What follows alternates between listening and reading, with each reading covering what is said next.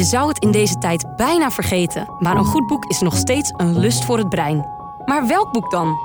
Tom de Kruif neemt er iedere week drie onder de loep en wordt daarbij bijgestaan door Ria Kostelijk in de podcastserie Mens en Boek. We zijn nou in de lucht. Ja, ik, Ja, ik jij wil niet veel zeggen, we praten de hele tijd al. Maar ja, jij luistert weer niet zoals gewoonlijk. niemand, nee, jij Nee. luistert niet. Het is weer als van ouds. Ja. Nou jongens, fijn. We zijn Leuk. er weer. Ja, Heb je weer wat leuks voor ons ja meegebracht daarom dan? beginnen we met een liedje. Oh, Ehm, een beetje fatsoenlijk of... eh, Ja, ik geloof het wel, maar Oh. ik moet er zelf ook nog even naar luisteren. Het liedje is van een eh eh, Nederlands groep die ooit bestond en die heette MAM. En het liedje heet Maternité. Ik ken er niks van. Nee, Kom me zo niet bekend voor. nee maar dat soms, kan heel goed kloppen. soms heb jij dat dan... Ken ik de naam niet en dan begint het te draaien en denk ik... Oh, is Die. dat het? Ja, ik weet niet of je dat nu ook hebt. Ik zal het je laten weten. Mam, weet jij nog wanneer ik voor het eerst een boterham met kaas gegeten heb? Nou, dat is moeilijk te zeggen eh, wanneer je dat precies gegeten hebt. Maar ik denk dat je toen eh, een jaar of drie was. Toen je bij opa en oma gelogeerd was. Eh, toen Carlo geboren is.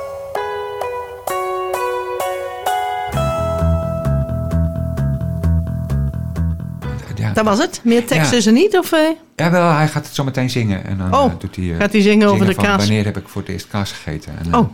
het, ja, ik ben de naam vergeten van de man. Dat is wel heel triest, want ik heb het net nog opgezocht. Maar Tom America heet hij. Oh, die speelde vroeger in een band die heette Mam. Daar is dit van. Het is al een oud nummer. ja. En ehm, hij is daarna muziek blijven maken. En wat hij steeds doet is, va- of vaak doet, is bestaand geluid, bestaande stemmen Gebruiken. verwerken in, in Ja, muziek. ja. En dit gaat dan over zijn vraag aan zijn moeder. Wanneer Ja. heb ik voor het eerst een boterham met kaas gegeten?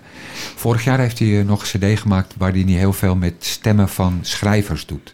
Maar daar kwam ik net pas achter toen ik dit liedje aan het opzoeken was. Anders had ik daar wat van uitgekozen. Ja, ja, daar dat zitten kan dan keer. fragmenten van Jan Wolkers op of Oh zo. ja. Dus Oh. ik vind het wel eh, Maar, de- dan, dan zal hij daar toch ook toestemming voor hebben? Ja, of zo, want anders dan... Ja, Ja, maar nee, nee, ik zeggen, anders krijg je weer een hoop eh, gedoe aan de broek. Maar hij maakt altijd eh, dit soort muziekjes. Aparte. Ik vind het heel mooi. Laten we meteen beginnen met het eerste boek. En dat is... Haruki Murakami. En het boek heet Eerste Persoon Enkelvoud. Daar Ja. heb je op geoefend op die naam, Nee, ik ken hem heel goed. Haruki Oh. Murakami is eh, ehm, ehm, Japanse schrijver. En dit is zijn eh, al, ja. zoveelste boek. Hij wordt al jaren... ehm, ehm, staat hij hoog bij de boekmakers om de Nobelprijs voor de literatuur te winnen. Maar om een of andere reden wint hij dat niet. Dat mag niemand afschrikken, want... ehm, Murakami schrijft hele rare boeken. En het rare is dat ik ze dan ook nog leuk vind. Kijk, ik heb Nee, een dat is hekel- niet raar, Nee, maar ik heb een hekel aan boeken waarin dingen gebeuren die niet kunnen gebeuren. Maar bij Murakami is het heel normaal. En dat gebeurt ook in... Dit is een bundel met eh, langere, korte verhalen, zeg maar. In dit boek praat bijvoorbeeld een aap tegen een man. Maar dat vind je heel normaal. En Mhm. dat is het knappe, denk ik, van, van Murakami. Die schrijft, ik noem het altijd zo autistisch... eh, dat je alles moet je wat hij opschrijft, ja. geloof je het ook onmiddellijk. Ja. Want hij, doet, hij bouwt geen moeilijke, ingewikkelde zinnen. Hij schrijft een heel kaal soort taal... eh, waarin hij altijd opschrijft wat de hoofdpersoon aan heeft, wat hij eet, hoe die loopt. Maar het is allemaal heel rustige taal. Maar daardoor kan hij hele wonderlijke dingen laten gebeuren. En dat vind ik heel mooi hieraan. Dit is zijn laatste boek met een eh, zes of achttal verhalen erin. En de mooiste vond ik, ik moet even eh, opzoeken hoe het verhaal precies heet. eh, het verhaal Charlie Parker Plays Bossa Nova. En dat is, vind ik ook weer een typisch verhaal van Murakami. Hij beschrijft, hij schrijft over zichzelf hoe hij als student eh, voor het studententijdschrift van de universiteit een recensie schrijft over een plaat van Charlie Parker. En hij laat die plaat uitkomen in 1962 en Parker speelt op die plaat bossa nova muziek. Ja. Dat kan wel kloppen, want in de jaren 60 Ja. deden veel jazzmuzikanten dat. Ja. Alleen Parker was toen al bijna tien jaar dood. Maar die recensie werd op een bepaalde manier toch opgepikt, ook door mensen buiten de universiteit. Dus het blad kreeg eindelijk eens een keertje post. Ja, ja. Ik zei, hoe kan je dat nou doen? Dat kan helemaal niet. Parker is al tien jaar dood. Dus, en bovendien, hij speelde niet van die melige Braziliaanse rockmuziek. Dus dat slaat helemaal nergens op. Maar het helpt wel. Dus want ze er kwam- reageren wel. Ja. Reageren. Dus nou, daar vertelt hij over. Dan springt hij eh, in de toekomst, wanneer hij een, eh, of niet in de toekomst, Mhm. eh, hij gaat later in de tijd. Dan is hij een succesvol schrijver en loopt door New York, loopt een platenzaak in En vindt. en vindt de plaat Charlie Parker Plays Bossa Nova. Dus echt. Nou, dat Of ja, is dan dat weer weet je dan weer niet. Ja, want, eh, nou ja, de plaat ziet er, en ik ken veel jazzplatenzaken, het ziet er opmerkelijk authentiek uit. Hij is slecht vormgegeven, witte voorkant, staat wat in Tekst op, ja. tekst op. De achterkant doet, ziet er ook precies uit zoals een niet echt helemaal officiële jazzplaat eruit zou moeten zien. Dus dat klopt allemaal. Beschrijft hij het of, of heeft hij hem getekend? Nee, hij beschrijft, Hij beschrijft- het. ja, Hij beschrijft het. Ja, maar En- jij als kenner zou dat ja, kunnen herkennen uit als... zijn woorden, zoals hij hem schrijft, denk ik... ja, zo zien helemaal niet echt legale jazzplaten zagen die er wel ja. uit. Ja, ja. Maar ik heb wat door die dingen heen gebladerd, dus dat is Je zult geloofwaardig. ook wel wat thuis hebben. Ja, nou, dat is een ander verhaal. Maar ehm, hij ziet die plaat, maar die plaat is vrij prijzig. En hij verbaast zich natuurlijk wel heel erg van... maar hoe kan dit nou? Ik Ja. heb deze LP verzonnen. En Ja. nou, de nummers die hij beschreef staan ook op die plaat. Dus nou, heel erg raar. Maar de plaat, hij vindt hem te duur. Hij praat er even over met die jongen achter de toonbank, een wat langharige hippie. Ehm, hij koopt die plaat niet Nee, en krijgt dan spijt. wat iedereen heeft. Tenminste, ik Ja, wel. ja, ik En heb het vaak Ja. gehad. Dan denk je een dag later. Oh, chips. Had ik Had ik nu moeten maar. doen, ja. Had ik dat nu maar. Dus hij dwaalt door New York en vindt la- lang, heel lang dwalen toch dat winkeltje weer terug. Loopt naar de platenbakken, zoekt naar die plaat en vindt hem niet. Nee, Gaat dan naar de balie en daar staat een hele andere man dan gisteren. ja. En die zegt, ja hoor eens, ik ken kan helemaal elke plaat Ja. die hier in die winkel staat, want ik koop ze allemaal in. En ik heb die plaat nooit gehad en bovendien, die plaat bestaat helemaal niet. Wat Nee. is dat voor onzin? Charlie Parker was toen al lang dood. En die vent waarschijnlijk ook niet. En die die vent heeft hij natuurlijk ook nooit gezien. Nou, in een beetje ander verhaal komt er nu een verklaring. Maar dat doet hij dan dus niet. En dat is dan typisch Murakami. Die bouwt een heel verhaal op. En dan is En jammer. die eindigt dan eh, in dit geval met van... Ja, maar het is echt gebeurd. Geloof het nou maar. En dat is ja, het dan. Dat is het, ja. Ja, ik vind dat Lekker pup. heerlijk om te lezen. Eh, hij, eh, nogmaals, hij schrijft echt heel erg toegankelijk. Terwijl er toch hele wonderlijke dingen in zijn verhalen Jawel, gebeuren. maar wel zo dat je, dat je toch... Want ik trapte daar dan ook in. Je gaat het toch geloven. Ja, Als je ja het dat doe je. Ja, je ja, doet het, je ja, gaat het geloven. Ja. En dat vind ik wel heel erg knap. En eh, al zijn boeken zitten vol werelden onder deze wereld. Pratende dolfijnen, eh, vliegende katten, die ook kunnen praten trouwens. Ja. Maar je gelooft het allemaal en dat Ja, vind ik heel mooi. ja, ja. dus ik vond het weer een heel prachtig boek. Haruki Murakami, eerste persoon, enkelvoud. Eerste persoon enkel van. Nou, En omdat we het over Charlie Parker hadden, dacht ik, nou, Ja. dan kan je mooi even ook een Charlie Parker. En dan doen Bossa we een- Nova doen. Ja, nee, dat, dat is er dus inderdaad Nee, echt dat is er niet. Nee. Maar we doen wel een eh, heel raar nummer. Dat duurt 47 seconden. Oh, dat is Eh, lekker. Het zullen we straks uitleggen. Eh, Charlie. Parker en het nummer heet The Famous Alto Break. Dat is een mooi nummer om op te schieten. Denk het.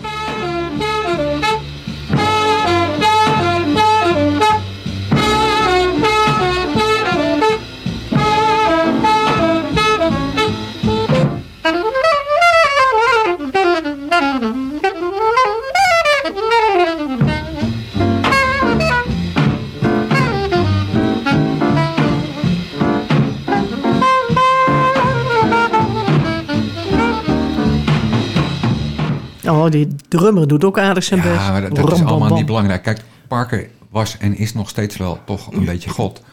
En eh, werkelijk alles wat de man ooit heeft getoeterd eh, is opgenomen.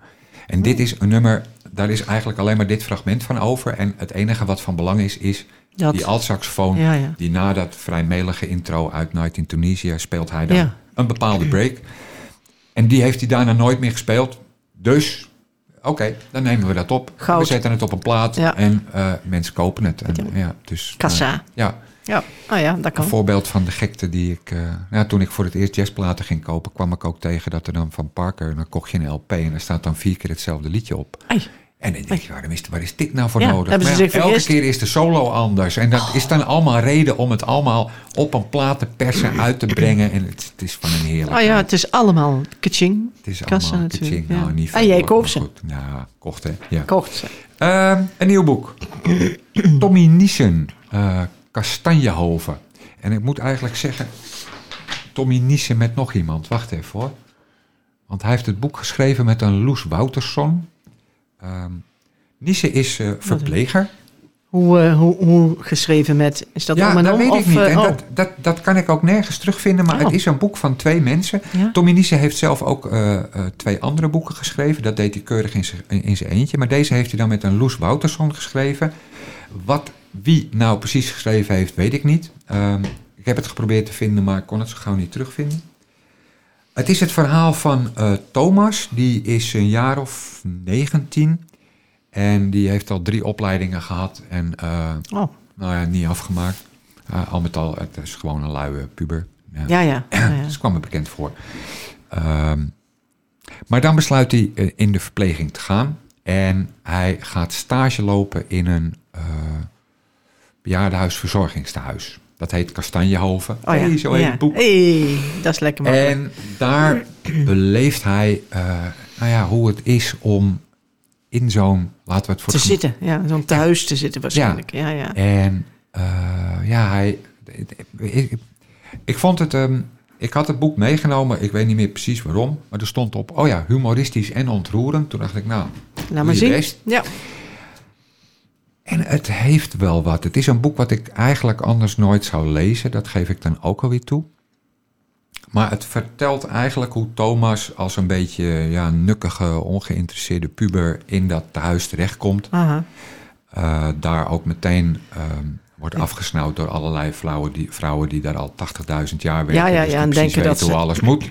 Die precies weten hoe het niet meer zou moeten. Ja, nou, dus En tegen alles wat nieuw is waarschijnlijk meteen in opstand komen. er Ja. speelt van alles. Ja. Eh, er zijn dingen die je tegenkomt. eh, ik bedoel, eh, de roosters die niet goed zijn. Ze moeten veel te veel werken. Ze hebben veel te veel van die lijsten die ze af moeten vinken. Of ze alles Ja. gedaan hebben. Veel te weinig tijd voor de mensen. Veel echt. te weinig tijd. Nou, daar speelt nog allerlei dingen weer tussendoor. Thomas komt natuurlijk een meisje tegen. ehm, en er is als plotlijn ehm, dat de directie, die zijn ook allemaal heel slecht, eh, van plan is om het thuis te sluiten. Oh, en dan ja. moeten die bewoners ergens Allemaal- tijdelijk ja. op een andere plek. En dat willen ze natuurlijk helemaal niet. Nee. Maar dat mag niet uitlekken en dat doet het wel. En Hij, zal, hij zal daar de leiding wel nemen voor Hij de rebellen. tuurlijk, dat doet hij inderdaad. Zo voorspelbaar is het. Ja. het, is het. Want het is een heel voorspelbaar boek. Ja. Maar het is wel. ehm, hij, hij maakt bijvoorbeeld ook mee voor het eerst dat hij eh, in de nacht moet werken. En dat er dan iemand overlijdt. Ja, ja. En dat schrijft hij, dat wordt heel erg mooi. Ja. Eigenlijk beschreven hoe hij reageert als 19-jarige puber die eigenlijk niet weet wat hij moet Nee. doen. Hoe hij tegenover een vrouw zit die oorspronkelijk uit Zuid-Amerika komt, ehm, daar allerlei dingen beleefd heeft, niet meer helemaal helder is, daarover praat, wat hij dan, hoe hij daarop reageert. En daar zit het boek heel erg vol mee. En dat Ja, ja. maakt het een bijzonder, vond ik toch eigenlijk best wel een bijzonder boek. Eh, Ja, ja. Kijk, En ook- de plotlijnen. Daar dat humor, humoristische waarschijnlijk Nou, daar zit, kijk, Dat weet je, je- met al dat gedoe, met, dat gedoe met dat sluiten Ja, van ja, dat thuis, dat ja. is ook lachen, want dan komen Ja. die bejaarden natuurlijk Ja, in in opstand. En, ja. oh, dat is allemaal leuk, Ja, reuze ja. leuk. Allemaal met de rollator voor de deur, dus Ja, komt je rond zoiets. langs. Ja, Eh, oh ja.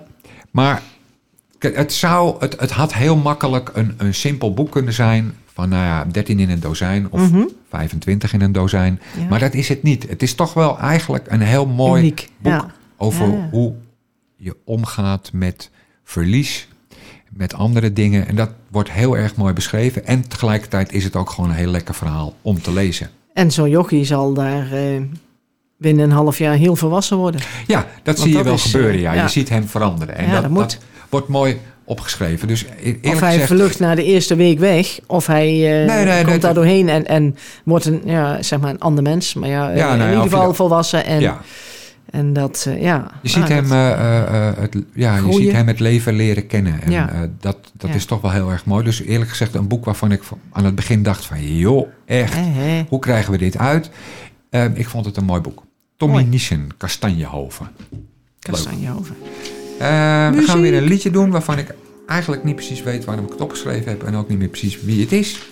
Maar Het is van een Emma Jean Pacray en het heet Say Something. Open your eyes before you open your mouth. Stick out your tongue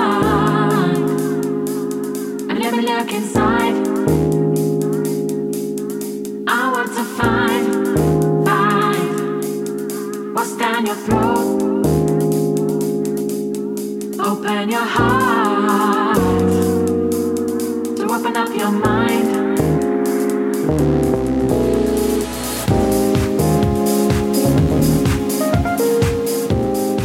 De ideale terrasmuziek. Ja, ja, ja. Nou nog het ideale weer. Want je gaat dus voor je plezier nu niet op een terras zitten. Ik zit nooit voor mijn plezier op een terras. Dus Meen je dat? da- ja, dat vind ik echt. Ik begrijp dat de opening van de terrassen de herreizenis van Nederland is. Ja, maar ja. ik zelf Ja, niet begrijp voor jou? dat niet schoon. Nee, ik vind er echt helemaal niks aan. Wel, wel in een café of in een restaurant of weet ik veel wat. Maar niet op... allemaal, Nee, dat vind ik. Wa- Wat is daar precies leuk aan? Ja. ja, mensen kijken. Ja, dat vind ik zo'n rare opmerking. Ja? Mensen kijken. Ja, eerste, waarom iets. moet je dat doen als je een te duur drankje koopt? Dan kan je ook gewoon over straat gaan lopen. Kan je ook mensen kijken. Ja, dat kan ook. Dat doe ik ook. Ben ik nu recalcitrant? Nee, nee, nee. Je bent gewoon jezelf. Oh, jammer. Ja, jammer hè. Ehm, We kennen jou ondertussen, dus... Goed, eh, we doen een eh prentenboek. ik van ken het boek, ja. John Condon. En dat heet De Piraten komen. Ja, dat vond ik de wel een piraten boekje, komen. Dat gaat knap over groot een boek. jongetje. Dat heet Tom. Het is een Tommy. prentenboek. De luisteraars zien het niet. Nee. En Tom staat elke dag op een eh, heuvel en kijkt dan uit over de zee. En hij ziet dan Wow. ver weg een schip. Oh jeetje. En hij holt naar beneden van die berg af. De piraten komen, de piraten komen, de piraten komen. Snel. Nou, de mensen schrikken zich helemaal lam en die gaan zich allemaal verstoppen. Ja, allemaal de deuren maar dicht. er komt geen boot. Nee. Er komen geen piraten. Nou ja, je voelt hem aankomen. Hij doet dat nog een aantal malen. Totdat. Die mensen denken van ja, hallo, dat doen we niet meer hè. Nee. Eh, Dag Tommy. ja, volgens mij is er een spreekwoord of zoiets. Of, Ja, eh, ja dat maakt niet uit.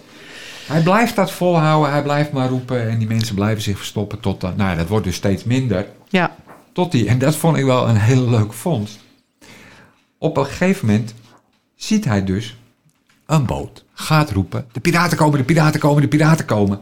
En dan komen ze ook. Oh, echt. dan zijn er echte piraten. Maar, Geweldig. en dan is er nog een clue.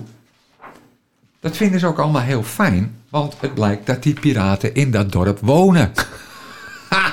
Die komen gewoon thuis. Die komen- Iedereen is blij dat papa er weer is. Ja, ik vond hem leuk. Ja, dat was echt, dat vond ik een heel verrassende clue. ja, waanzinnig. Ja, oh. dus ehm, ik vond het een heel leuk print. Het is, het is ook mooi getekend. ja, ja, het is heel mooi getekend. en je kunt er, ik, eh, denk ik, eh, ontzettend hard John om lachen Condon, als je dit voorleest.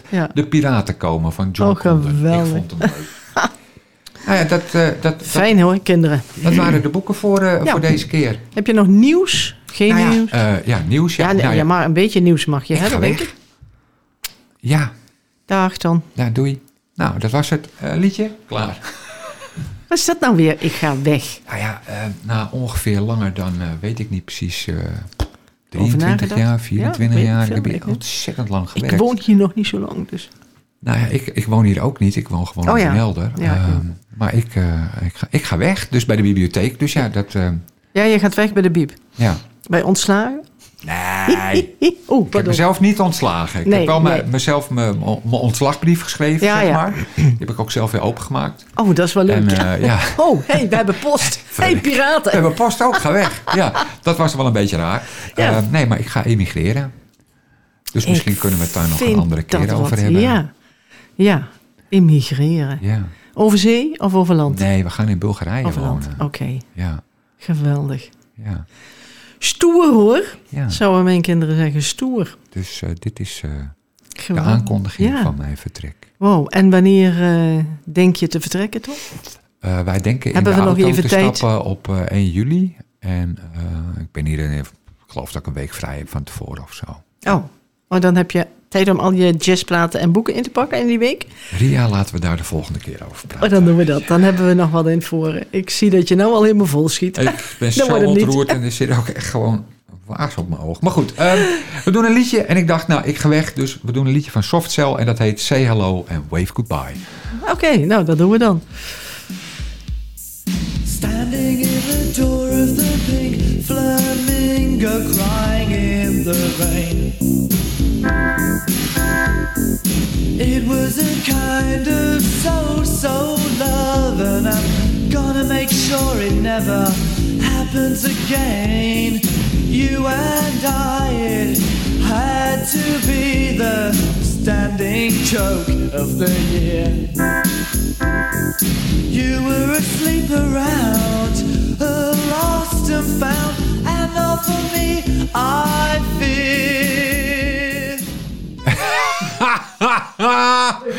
je kan wel een beetje je best doen. Hallo.